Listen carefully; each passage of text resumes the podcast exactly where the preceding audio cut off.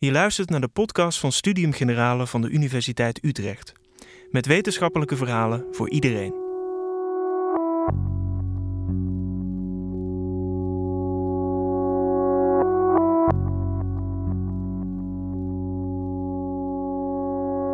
In de oerknal gelooft hij niet. Donkere materie vindt hij een theoretisch zwaktebod en zwaartekracht is niet wat je denkt dat het is.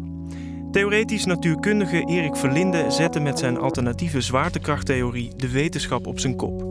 Volgens Verlinde is zwaartekracht helemaal geen fundamentele kracht, maar bestaat het uit iets diepers, informatie. Hij vertelt over zijn zoektocht, zijn twijfels en hoe het is om een wetenschappelijke pionier te zijn.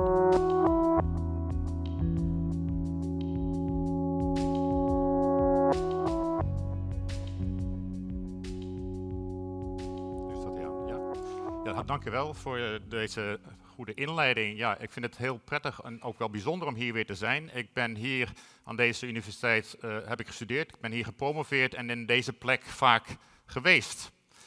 Um, zwaartekracht, is het een illusie? Ja, waar komt dat uh, idee vandaan? Natuurlijk is zwaartekracht geen illusie, maar ik heb het ooit een keer gezegd, voor mij bestaat zwaartekracht niet. En dat is zo'n 7, 8 jaar geleden geweest toen ik een artikel geschreven heb waarbij ik na ging denken op een andere manier over zwaartekracht. Inderdaad, over zwaartekracht in relatie met informatie. Nu zult u misschien denken van waar zijn uh, de slides? Uh, dat heeft te maken met het feit dat ik vandaag een mooie voordracht heb voorbereid, maar helaas mijn laptop heeft thuis, heb thuis gelaten. Dus ik ga voor het eerst ga ik deze voordracht uh, gewoon zo doen. U kunt gewoon luisteren en ik denk dat u heel veel zult begrijpen, want het gaat eigenlijk meer om de ideeën en ook meer om het verhaal erachter wat ik wil duidelijk maken. Van hoe kom ik uiteindelijk tot het idee om anders over zwaartekracht na te gaan denken. En dan ga ik eigenlijk terug naar mijn eigen motivatie van waarom ik natuurkunde ben gaan doen. En dat is een, een documentaire geweest in uh, 1977. Dat heette De Sleutel tot het Heelal. En dat keek ik als middelbare scholier samen met mijn broer Herman, tweelingbroer. En uh, het programma was avondvullend. Het bestond uit twee delen. Het eerste deel besprak alle nieuwe ontwikkelingen die hadden plaatsgevonden over elementaire deeltjes. Het reductionistische denken over waar alles uit is opgebouwd, elementaire deeltjes en fundamentele krachten. Er was namelijk in de jaren 70 belangrijk uh, werk gedaan, onder andere door Gerard het Hoofd. En die hadden ontdekt inderdaad hoe we al die deeltjes kunnen samenvatten in een soort standaardmodel. En uh, die ontwikkelingen werden verteld. En dat gaat over krachten die over het allerkleinste gaan. Krachten zoals elektromagnetisme, uh, kernkrachten die de kern bij elkaar houden. En daar hadden juist Gerard het Hoofd en zijn collega's uh, nieuwe theorie voor ontwikkeld. En dat stond als een huis. Het tweede deel van het programma ging over zwaartekracht. En dat past inderdaad daar niet bij, want zwaartekracht gaat eigenlijk over het grote. Over het, ja, planeten, sterrenstelsels, uh, het universum. Niet over het kleine. En inderdaad bleek dat ook zwaartekracht eigenlijk niet paste in dat standaardmodel. Maar er waren wel heel veel belangrijke ontdekkingen gedaan. Uh, zwaartekracht, dat uh, gaat ook over ja, de plaatsen waar de meeste zwaartekracht is. En dat is eigenlijk in zwarte gaten. En in dat deel van het programma was uh, Stephen, Hawking, die kennen jullie wel, belangrijk natuurkundige, die inderdaad aan zwarte gaten heeft gewerkt, aan over het universum heeft nagedacht en had uh, ontdekkingen gedaan over die zwarte gaten en daar werd over verteld. Ik vond het alle twee fascinerend. Het kleine, het deeltjes en ook de zwaartekracht. En wat ik het meest bijzonder vond, is dat er eigenlijk een soort uh, ja, scheiding was. Uh, dat eigenlijk de kleine theorie, die, die moet je beschrijven van kleine deeltjes in termen van kwantummechanica, dat bleek niet samen te gaan met die zwaartekracht. En toen besloot ik eigenlijk al in, in de middelbare schooltijd om te gaan, nou daar wil ik aan werken. Ik vind dat zo boeiend. Ik had de mensen gezien die eraan werkten en ik denk van daar wil ik aan meedoen. En daar ben ik inderdaad vele jaren later in terechtgekomen. Dus uiteindelijk ben ik inderdaad gaan nadenken uh, over die manier om kwantummechanica met zwaartekracht samen te gaan voegen. Ik ben in Utrecht gaan studeren en met mijn broer en, en een aantal andere medestudenten gingen wij inderdaad uh, verder in die richting. En we kregen colleges van Gerard het Hoofd en van andere uh, docenten, onder andere over zwarte gaten en over die problemen. En ik ben gaan promoveren hier in Utrecht op een onderwerp, dat was de snaartheorie. Nou, wat is snaartheorie? Uh, die allerkleinste deeltjes, zeg maar, die kunnen uh, krachten hebben. En daar wordt over nagedacht als puntdeeltjes die uh, andere deeltjes uitwisselen. En dat bleek juist een probleem te zijn als je datzelfde beeld toepast op de zwaartekracht, dat het niet gaat werken. En toen was snaartheorie tevoorschijn gekomen als een soort kandidaat om die kleine theorie van die kwantummechanica samen te voegen met die grote krachten, zoals zwaartekracht en juist wat er dan plaatsvindt in bijvoorbeeld zwarte gaten. Nou, die theorie uh, was mathematisch heel ingewikkeld. We moesten heel wiskunde doen. En ik ben gepromoveerd toen uh, in 1988, eigenlijk hier niet ver vandaan. Ik heb een foto uh, nog van die tijd waarbij Herman en ik, we zijn samen gepromoveerd, hier voor het academiegebouw staan. En toen zijn wij inderdaad doorgegaan over het nadenken over die vragen, onder andere ook over die zwarte gaten. Nu, uh, een belangrijke ontdekking die dus Hawking gedaan had over die zwarte gaten, was dat zwarte gaten, dat zijn eigenlijk objecten waar uh, de zwaartekracht enorm sterk is. En laat ik u eerst iets vertellen over uh, ja, inderdaad, hoe zwaartekracht dan werkt. Ik bedoel, we hebben ehm, op de middelbare school altijd geleerd dat zwaartekracht, ja, dat kun je beschrijven via de wetten van Newton. Dus Newton zegt dat twee voorwerpen, als die uh, een bepaalde massa hebben, dat die elkaar aantrekken met een kracht die omgekeerd evenredig is met het kwadraat van de afstand. Dus iets wat twee keer zo ver weg is, dat zou dan vier keer zo zwakke kracht voelen. En dat moet je een beetje vergelijken met inderdaad een soort bol. Als je een bol hebt, uh, hoe groeit het oppervlak? Dat groeit ook met het kwadraat. En dat speelt een belangrijke rol eigenlijk in het begrijpen van die zwaartekracht. Die zwaartekracht heeft wat wij een 1 gedeelde r-kwadraatwet noemen. En dat heeft te maken met het feit dat inderdaad al die zwaartekracht uh, ja, die gaat naar buiten toe. Die bollen worden groter en uiteindelijk wordt de zwaartekracht daardoor ook uh, zwakker. Nou, als je heel veel materie bij elkaar voegt, dan krijg je inderdaad een, een, sterkere zwaartekracht. En daarvoor moet je de theorie van Einstein gebruiken.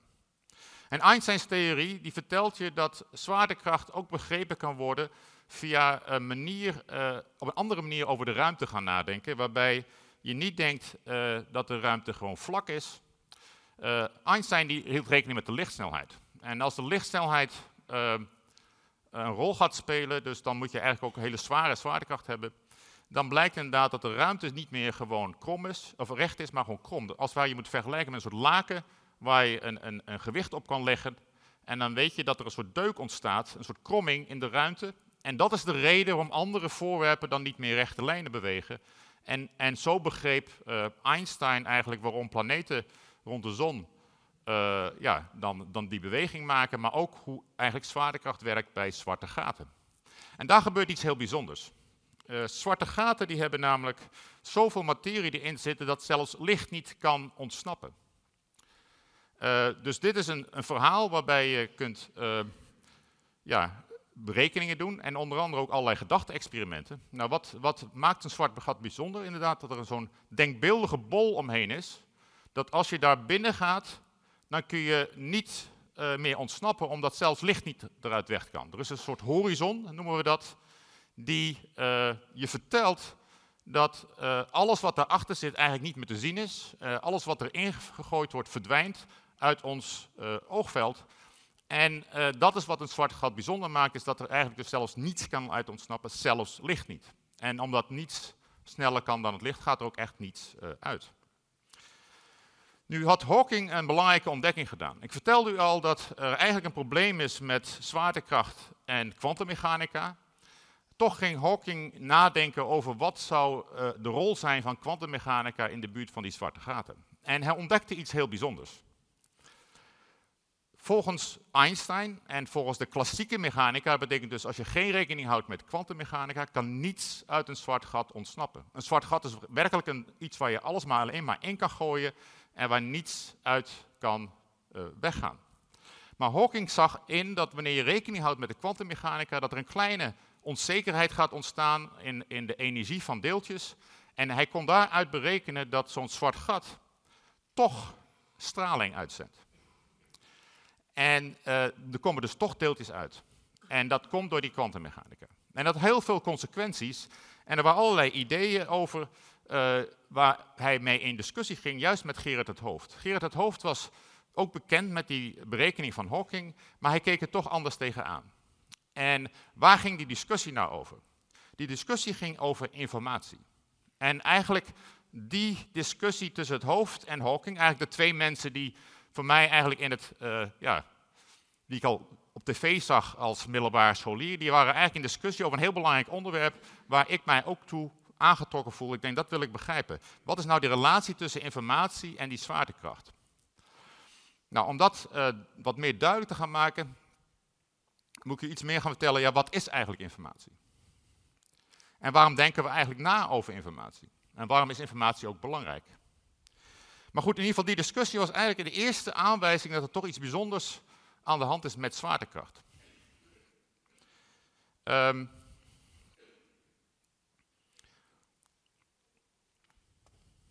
hoe ga ik dat aanpakken? Ik ga inderdaad u vertellen iets over waarom informatie een belangrijke rol speelt in de natuurkunde. En op welke manier we daar ook mee bezig zijn. En het heeft ook mee te maken met hoe wij als natuurkundigen zelf nadenken over de natuur. Wij zijn uh, getraind om de dingen te versimpelen. Als wij als mens uh, over de natuur nadenken of over iets nadenken, dan denken we heel gauw over abstracte dingen na. Als ik u iets teken hier, wat was dat? Een driehoek, of ik doe het nou, nou even nog iets groter, hier. Een huis, ja. Dus mensen zijn heel snel in het herkennen van iets.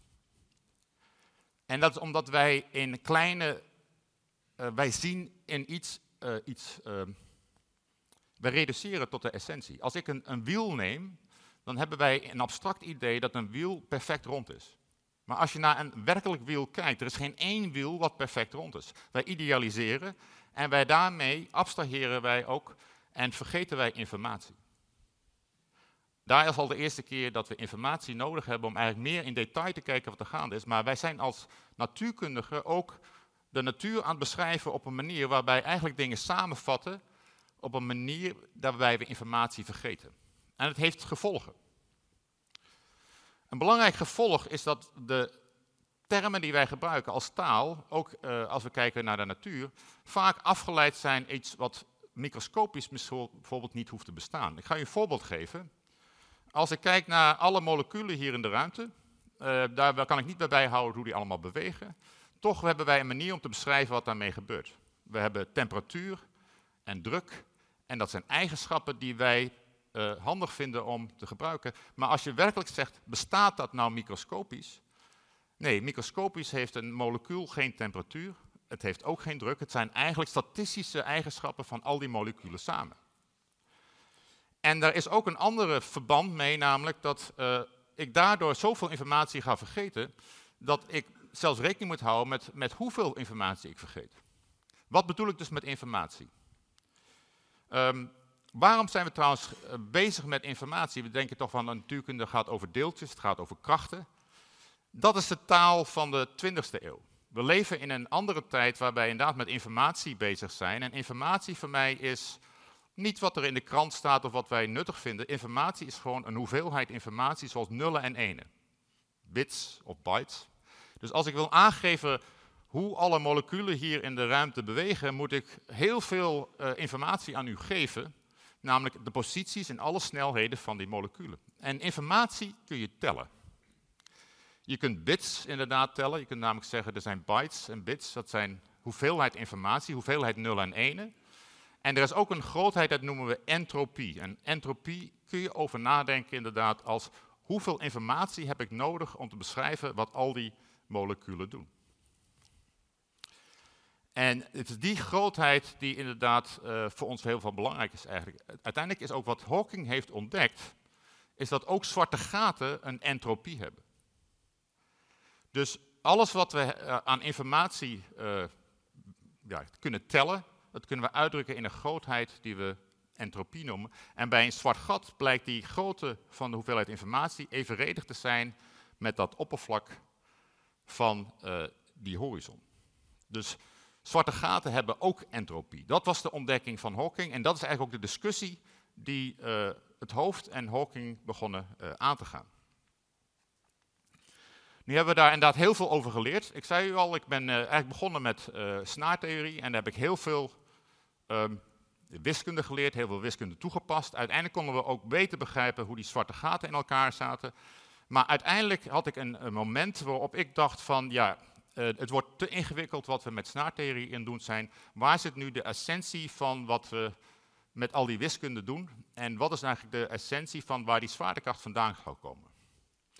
De reden waarom ik namelijk inzag dat de zwaartekracht misschien afgeleid kan worden, is dezelfde reden dat wij de wetten van wat ik de thermodynamica noem, uh, kunnen afleiden. Dus ik noemde u al temperatuur, is een begrip dat we kunnen afleiden uit de statistische beweging van alle moleculen. We kunnen ook berekenen hoeveel entropie aanwezig is. En dan is er een manier waarop we de wetten van de thermodynamica kunnen afleiden door microscopisch te gaan nadenken over al die moleculen. Dus de wetten van de thermodynamica zijn geen fundamentele wetten. Het is wat wij emergent noemen. Het zijn wetten die wij kunnen afleiden door meer te gaan nadenken wat daaronder ligt. De microscopische beweging. Dus dat is eigenlijk het reductionisme. Maar hetgene wat tevoorschijn komt is juist iets wat emergent is. Iets wat juist op macroscopisch niveau belangrijk is. En wat juist op macroscopisch niveau van belang is, hoeft microscopisch geen betekenis te hebben. Die twee dingen zijn eigenlijk verschillend. En hier heb je inderdaad het verschil tussen reductionisme, waarbij je nadenkt, ik moet eigenlijk alles kunnen afleiden uit het kleinste, en hetgene wat dan emergent is, in ieder geval dingen die juist op grotere schaal een rol spelen. Dus ik had door dat eigenlijk wat er op kleine schaal gebeurt, dat inderdaad wel belangrijk is, maar we hoeven niet eens de details te weten. We kunnen proberen af te leiden wat die zwaartekracht doet op grotere afstanden, door rekening te houden met die hoeveelheid uh, informatie. Dus waarom is informatie nogmaals belangrijk? Als je namelijk weet uh, wat de moleculen doen in een ruimte, dan kun je natellen van hoeveel mogelijkheden hebben ze. Als ik al deze moleculen bij elkaar neem en ze ergens in de hoek neerzet, dan hebben ze veel minder ruimte en daardoor ook bevatten ze veel minder informatie. Ik kan ze allemaal bij elkaar nemen en zeggen, ik wil ze allemaal daar hebben. Maar als ik ze loslaat, dan zullen ze de hele ruimte weer opvullen. En de reden is inderdaad dat ze eigenlijk die aantal mogelijkheden weer gaan innemen. Dus je ziet eigenlijk dat er kan een soort kracht ontstaan. En dat is eigenlijk hoe wij ook bijvoorbeeld druk begrijpen. Die moleculen die bewegen en die proberen eigenlijk de hele ruimte weer op te vullen. Dus dat is een, een manier waarop je inderdaad krachten tevoorschijn krijgt door ook microscopisch na te denken over wat er gebeurt. Nou, datzelfde kunnen we eigenlijk doen met zwaartekracht. En ik heb inderdaad toen acht jaar geleden uh, een moment gehad waarop ik denk van hé, hey, ik wil uh, op een andere manier over zwaartekracht gaan nadenken. Ik zal er iets meer over dat moment vertellen. Het was uh, tijdens een vakantie. er was bij mij ingebroken in mijn hotelkamer en de, de sleutel van mijn auto was verdwenen. Ook mijn laptop en ik had allerlei dingen daar die ik uh, uh, ja, kwijt was en ook moest wachten tot de sleutel weer terugkwam. Dus ik had daar een week uh, waarbij ik gewoon dacht van ja, ik moet hier maar blijven. En toen ben ik ging nadenken en toen kwam er inderdaad in die week een idee binnen. En dat idee was een soort Eureka-moment uh, over ja, ik kan die zwaartekracht afleiden de wet van Newton kan ik afleiden uit een heel eenvoudig argument, waarbij ik maar aanneem dat er informatie aanwezig is in de ruimte en dat die verdeeld is over een bol. En dan kan ik uit de principes van de thermodynamica die wet van Newton afleiden. En dat is een artikel wat ik toen schreef. Dat artikel heette On the Origin of Gravity and the Laws of Newton. En dat sloeg in als een bom. En ik, eigenlijk op het moment dat ik dat idee had, wist ik dat al. Ik denk van nou, waarom komt er niet een of andere journalist uh, op me af die dit al wil weten. En dat bleek inderdaad, een jaar later heeft het in de New York Times gestaan. En daar komt eigenlijk die titel vandaan, zwaartekracht bestaat niet. Want hij was degene die mij inderdaad het vroeg. Van ik zeg, ja, ja, voor mij bestaat eigenlijk zwaartekracht niet. Ik zeg, ik, elke dag weet ik dat ik het opnieuw kan afleiden. Als ik ochtends aanneem dat het niet bestaat, kan ik toch weten dat het er is, omdat ik kan het afleiden uit een microscopische kijk. En um, nou goed, dat had heel veel uh, impact inderdaad. Er was heel veel reactie op.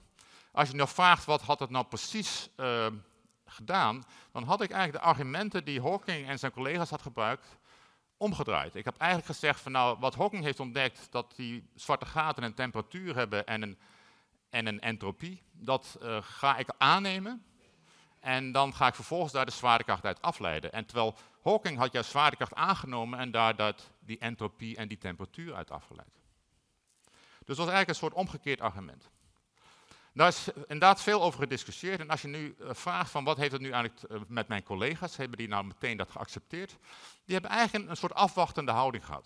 Die hebben inderdaad gedacht van, Nou, we eens nog eens zien wat daaruit gaat komen. Want ik ging inderdaad tegen een bepaalde uh, kijk in. Einsteins theorie van die, ja, dat zijn relativiteitstheorie, die werd zo bewonderd, en er is ook zoveel uh, bewijs voor dat het allemaal heel goed werkt, dat um, iedereen neemt aan dat het wel juist is. Bijvoorbeeld, u heeft ongetwijfeld gehoord van zwaartekrachtsgolven. Dat is een van de voorspellingen van, van Einsteins theorie. Die zijn onlangs, ja, twee jaar geleden voor het eerst ontdekt, in ieder geval waargenomen. En elke paar maanden wordt er weer een bewijs gevonden dat bijvoorbeeld twee zwarte gaten om elkaar heen draaien. Die kunnen dan inspiraliseren en krijgen dan golven in de ruimte die naar ons toe bewegen. En die kun je meten. Nou, en dat is een voorspelling van Einsteins theorie. En dan zegt men, ja, Einstein heeft gelijk. Toch zijn er situaties waarbij Einstein theorie en ook die van Newton niet altijd uh, goed werkt. En uh, dan kom ik inderdaad toe op een idee wat ik eigenlijk vrij snel had na mijn vorige artikel. Dat artikel was uh, acht jaar geleden en ik kreeg inderdaad een idee van dat er moet een relatie zijn tussen die informatie en, en zwaartekracht.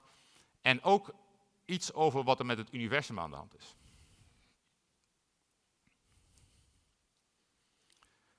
Um,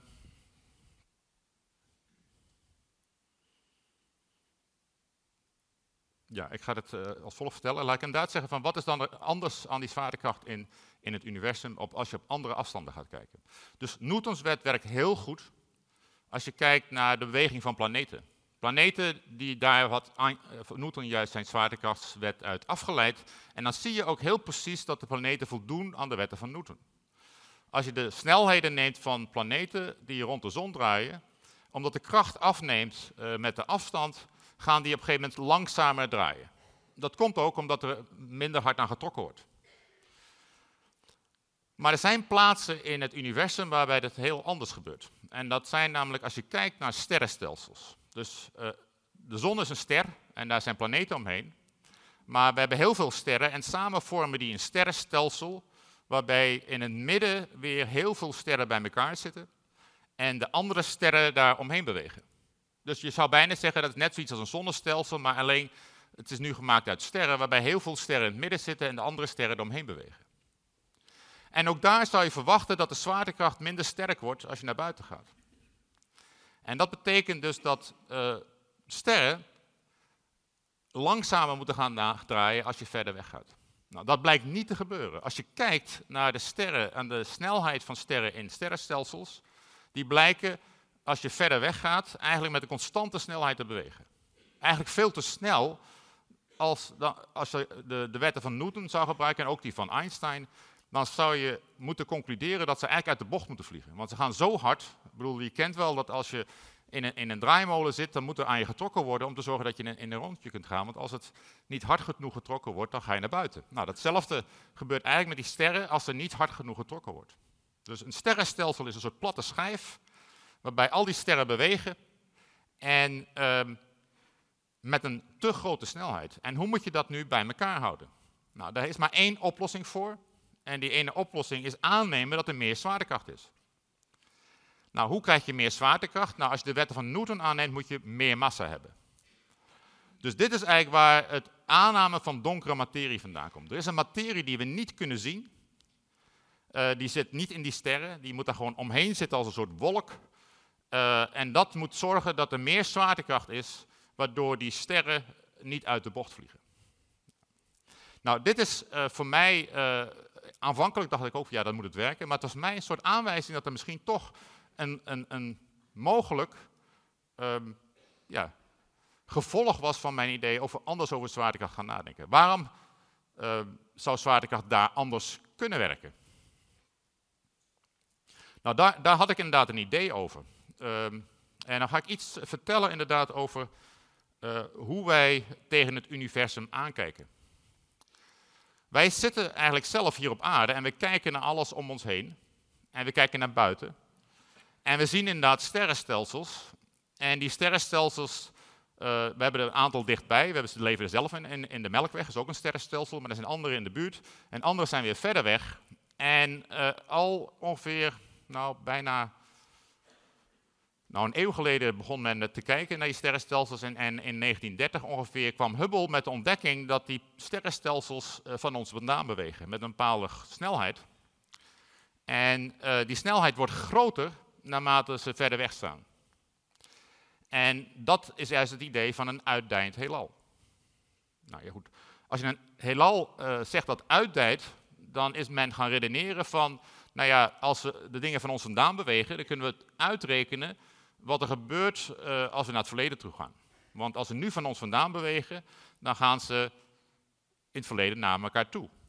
En dat is uiteindelijk dat de dichtheid, nu wordt die steeds dunner, maar als je naar het verleden gaat, moet die steeds dichter zijn geworden, steeds groter. En dat is het idee geweest dat als je dan lang genoeg terugrekent, dan moet alles zo dicht bij elkaar hebben gezeten, dat het heelal wel uh, ja, een moment heeft gehad dat het zo dicht was en zo uh, heet ook werd. En dat is het idee van de oerknal. Is eigenlijk uh, geconcludeerd uit het terugrekenen van al die bewegingen van die sterrenstelsels. Er is ook gekeken naar straling die aanwezig is, want eigenlijk als wij kijken vanuit ons aarde kijken we naar buiten toe. Maar omdat licht een bepaalde tijd erover doet om naar ons toe te komen, zijn we eigenlijk terug in het kijken in de tijd. Een signaal wat langer erover doet om naar ons te komen, omdat het een grotere afstand moet afleiden, leggen, dat betekent dus ook dat het verder uit het verleden moet terugkomen. Dus eigenlijk onze verste objecten zijn ook het oudste, want het licht doet er heel lang over om naar ons toe te komen. En op die manier kijken we eigenlijk terug in de tijd. En dan zien we inderdaad dat er een moment moet zijn geweest dat een licht is ontstaan, het eerste licht uit het begin van het heelal. En daar heeft men aan metingen aan gedaan en men heeft verder gemeten dat de uitdekking van het heelal uh, op een bepaalde manier versnelt. En daar heeft men uit geconcludeerd hoeveel materie en alles aanwezig is in ons universum. En ik zei al, er is gewone materie, die kunnen we zien. Daar zijn we uit gemaakt. Dat is uh, protonen, uh, neutronen en alle deeltjes die eigenlijk ook in dat standaardmodel passen. Maar er blijkt veel meer energie aanwezig te zijn in het universum dan dat uh, we nodig hebben eigenlijk om alle materie te beschrijven. De materie is ten hoogste, uh, die wij kennen dus, maar ten hoogste 5%. En sterren trouwens is, is minder dan 1%. De, daartussen moet nog ergens uh, materie zitten die we niet kunnen zien, gewone materie zoals wij staan, zeg maar protonen en neutronen. Maar dat is nog, nog maar 5% van het hele heelal. Of de energie in het hele universum. Er blijkt uh, donkere materie, die uh, moet aanwezig zijn bij die sterrenstelsels. Dat blijkt uh, ook aanwezig zijn in het hele universum. En dat blijkt vijf keer zoveel te zijn als de gewone materie. Dus samen is donkere materie en gewone materie 30%. En dan is er 70% iets dat heet donkere energie. Het feit dat die termen gebruikt wordt, geeft eigenlijk al aan dat men niet weet wat het is. En dat klopt. Donkere energie is een soort energie die door het hele universum heen zit. En waar wij helemaal niet bij kunnen. En uh, die we eigenlijk ook niet kunnen meten. Het enige wat we ervan zien is het effect uh, op de beweging van de sterrenstelsels uh, op het universum. Hetzelfde met donkere materie kunnen we niet zien. het enige wat we zien is het effect op de zwaartekracht. Als er zoveel dingen zijn die wij niet kunnen zien, dan vraag ik mij af of wij inderdaad wel de juiste wetten hebben. En dus ik heb inderdaad een onlangs, en dat is in uh, november geweest, uh, vorig jaar, of eigenlijk uh, ja, bijna anderhalf jaar geleden al, een artikel geschreven wat daar een andere kijk op heeft. En dat heeft te maken met inderdaad die ideeën over um, de relatie met informatie en zwaartekracht. En misschien moet ik u dan inderdaad duidelijk maken wat, wat het voornaamste idee is geweest. allereerst dat wij ehm, in onze beschrijving van de natuur vereenvoudiging hebben gemaakt. Uh, en daardoor inderdaad heel veel informatie zijn vergeten. Juist die entropie waar ik het over had, die is ook aanwezig in het universum. Het universum heeft namelijk ook een horizon. Een zwart gat heeft een horizon, maar ook een universum wat uitdijt. Als je kijkt uh, naar de beweging van die sterrenstelsels die van ons vandaan bewegen, die bewegen met grotere snelheden van ons vandaan als ze verder weg zijn. En op een gegeven moment is er een afstand dat ze met de lichtsnelheid vandaan van ons vandaan bewegen. En die lichtafstand, dat noemen wij de horizon. En ook daar kun je dan uitrekenen wat de hoeveelheid informatie is die je daarvoor nodig hebt. En dan gebruik je diezelfde wet die Hawking had, namelijk dat het eigenlijk het oppervlak is van die horizon. En dan kom je aan een enorme hoeveelheid informatie die eigenlijk aanwezig is in het universum, die wij niet gebruiken om uh, onze ja, materie te beschrijven. Dus eigenlijk meer aanwezig dan we kunnen zien. Net zoals er luchtmoleculen hier zijn die wij niet kunnen zien, maar we weten wel dat ze er zijn. We merken de effecten ervan. En datzelfde is eigenlijk aanwezig in het universum. Dus ik denk eigenlijk dat wij in onze constructie van de natuurwetten, zoals wij hebben toegepast, eigenlijk te reductionistisch zijn bezig geweest. En uh, zijn gaan zoeken naar uh, ja, verklaringen in termen van deeltjeskrachten als de enige taal die we hebben. Uiteindelijk is informatie een taal waar we mee moeten gaan nadenken. En dan is er een, een nieuwe kijk op het universum, die dan gevuld is met deze informatie.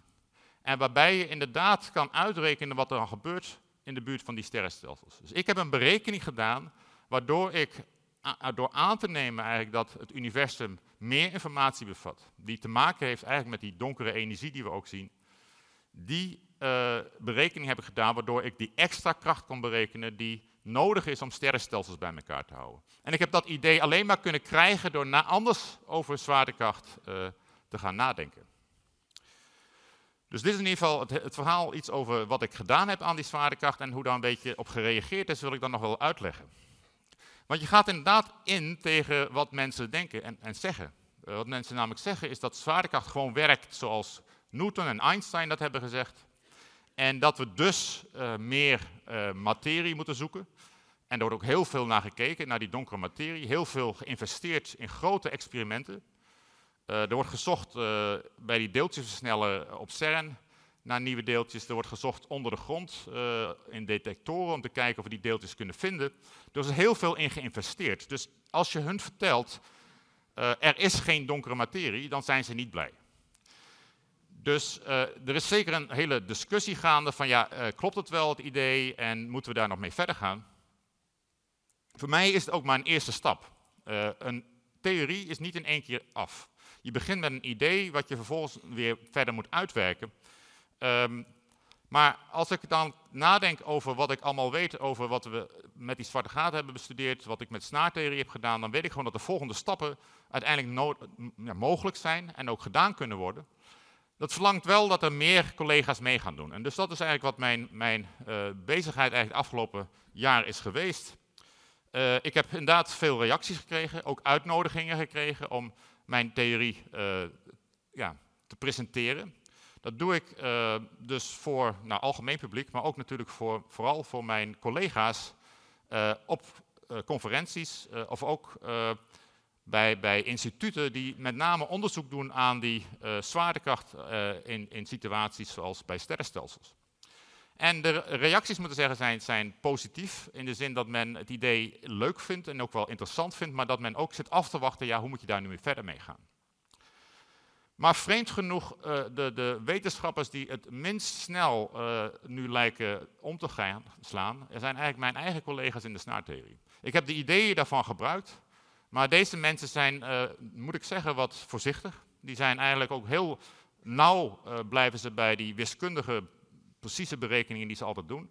Want je moet hierdoor, hiervoor toch wat meer uh, ja, een stap verder nemen. Ook wel geïnteresseerd zijn in ja, het proberen in aan, um, ja, die, die ideeën te toetsen ook aan, aan, aan waarnemingen. Hetgene wat snaartheoreten nogal heel snel doen, is eigenlijk alleen over dat hele kleine nadenken. Over zwarte gaten waar we niet 1, 2, 3 metingen aan kunnen doen. Of over een universum waar eigenlijk geen donkere energie in aanwezig is. En dat zijn geïdealiseerde berekeningsmodellen, eigenlijk ideaal, ja, waarbij je heel wiskundig precies kan zijn, maar waarbij het contact met de natuurkunde een stuk uh, lastiger is. Ik heb die sprong gemaakt en daarin voel ik mij inderdaad iets uh, als een pionier, waarbij je toch zegt van ja, ik ga dit proberen. Uh, ik hoop uiteindelijk dat ik door argumenten die ik heb gebruikt in mijn werk en ook uh, door de discussie aan te gaan en ook weer volgende stappen te maken, uh, ik steeds meer collega's ehm, ja, achter me krijg. Um, er zijn zeker een aantal mensen die mij steunen. ik heb met mijn broer Herman veel gesproken. die is zeker ja, begrijpt hij de intuïtie die ik gebruik. Hij is ook iemand die uh, niet snel trouwens te overtuigen is. Het is niet zo dat als ik met hem discussieer meteen uh, het argument al, al, gewonnen heb. Nee, hij gaat juist heel hard tegen mij in. Dus ik kan met hem uh, over deze ideeën praten. En hij zal zeker iemand zijn die voor mij belangrijk wordt ook in de volgende stappen. Robert Dijkgraaf is trouwens ook iemand die, die mij in die eerste keren dat ik begon met die idee over zwaartekracht al eigenlijk stimuleerde. Toen ik hem vertelde over het, argument hoe ik zwaartekracht kon afleiden, zei hij tegen mij dat dit gaat impact hebben en dat moet je gewoon op zo'n simpele mogelijke manier opschrijven. En, en uh, er zijn andere collega's binnen de snater die langzaam mijn hand beginnen door te hebben dat hier iets aan de hand is. Maar goed, dat kost tijd. het is inderdaad een verschuiving over hoe je over dingen moet gaan nadenken. En wat onder andere blijkt is dat je moet durf hebben om bepaalde dingen los te laten. En ook daar weer ja, nieuwe dingen voor in de plaats te zetten. Van wat is dan anders aan die zwaartekracht en wat is er dan anders bijvoorbeeld aan die oerknal? Die vraag krijg ik ook elke keer. Dat verhaal is ook een keer naar boven gekomen omdat ik ooit zei van, nou ja, als op deze manier over zwaartekracht nagedacht moet worden, dan uh, met name die, in verband, verband, met informatie, dan denk ik dat het standaard idee dat het hele universum ooit is begonnen op een heel klein plekje en dan daaruit is ontstaan en dan ineens, of eigenlijk uit niets is ontstaan, want dat is eigenlijk wat de oerknal zegt. De oerknal zegt eigenlijk van, ja, er was een, moment waarop er geen tijd was. En ineens was de tijd er en alles kwam uh, daar uit de voorschijn en alles begon uit te dijen. Voor mij is dat een onlogisch verhaal. En ik denk inderdaad dat als we rekening houden met al die informatie die we hebben vergeten, dat als we dan gaan terugrekenen wat er gebeurt, dat dan het verhaal niet is dat alles op één moment ontstond. Nee, dan denk ik juist dat dat idee van emergentie. Dus wat is emergentie? Betekent, is eigenlijk een veel subtieler iets, waarbij wat ik al zei, de, de begrippen voor ruimte en tijd die wij gebruiken, zijn eigenlijk microscopisch niet aanwezig. Wij hebben die ingevoerd om de natuur te beschrijven. Maar als je vraagt wat is uiteindelijk de taal waarin de natuur denkt, dan zou dat een heel andere kunnen zijn. Uh, dit idee is wat filosofisch geworden. Uh, dat klopt eigenlijk ook wel. Ik zeg, heeft ook wat te maken met inderdaad hoe ik nadenk over ons als natuurkundigen. Of als mensen.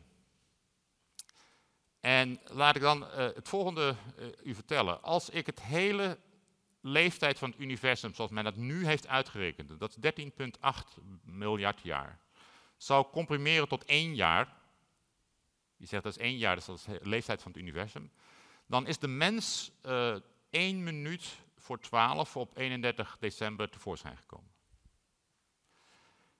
En als je kijkt van die tijd, uh, hoeveel tijd hebben wij werkelijk uh, nagedacht over de, het universum? Hoe lang hebben wij waarnemingen gedaan? Dan is dat een fractie van een seconde. Dus de natuurkundigen hebben eigenlijk uit een heel kleine waarnemingen proberen uit te rekenen wat er gebeurd is aan het begin van het jaar. Als je één seconde waarneemt, moet je proberen uit te rekenen wat er gebeurd is. Dat is lastig. En uh, ik denk werkelijk dat dus de uh, wetten zoals we die nu hebben eigenlijk te simpel zijn. Wij zijn als mens eigenlijk in staat om te abstraheren en alles wat wij kennen en begrijpen en zien proberen in kleine eenheden zoals een tekening of een formule. Maar uiteindelijk hebben wij nog niet door wat er allemaal in het universum uh, plaatsvindt. En als we dat allemaal toevoegen, dan zal dat verhaal over dat begin er anders uit gaan zien. En dan denk ik inderdaad dat begrippen als tijd en ruimte eigenlijk dan pas tevoorschijn komen. Niet op één moment, maar eigenlijk iets als een soort geleidelijk iets wat, ja, net zoals een horizon. Bij een horizon kan je je voorstellen dat dingen niet in één keer verdwijnen, maar langzamerhand verdwijnt iets over de horizon. Dus voor mij is eigenlijk begin meer een soort um, einde van ons eigen begrip. En, niet, en daar komt uiteindelijk onze begrippen uit tevoorschijn. En als we rekening houden met al die informatie en dat kunnen microscopisch kunnen beschrijven, pas dan hebben we een hele uh, ja, meer complete theorie van het universum. Dat is toekomstmuziek, maar dat is iets waar ik uiteindelijk uh, ook mijn collega's mee moet gaan overtuigen. Is van, heb ik een ander verhaal over dat uitdijend heelal en waar al die, die straling vandaan komt. Pas dan uh, gaan mensen ook zeggen, ja, dan hebben we een andere theorie die de oude kan vervangen. maar ik ben hoopvol dat dat een moment gaat komen. Dankjewel.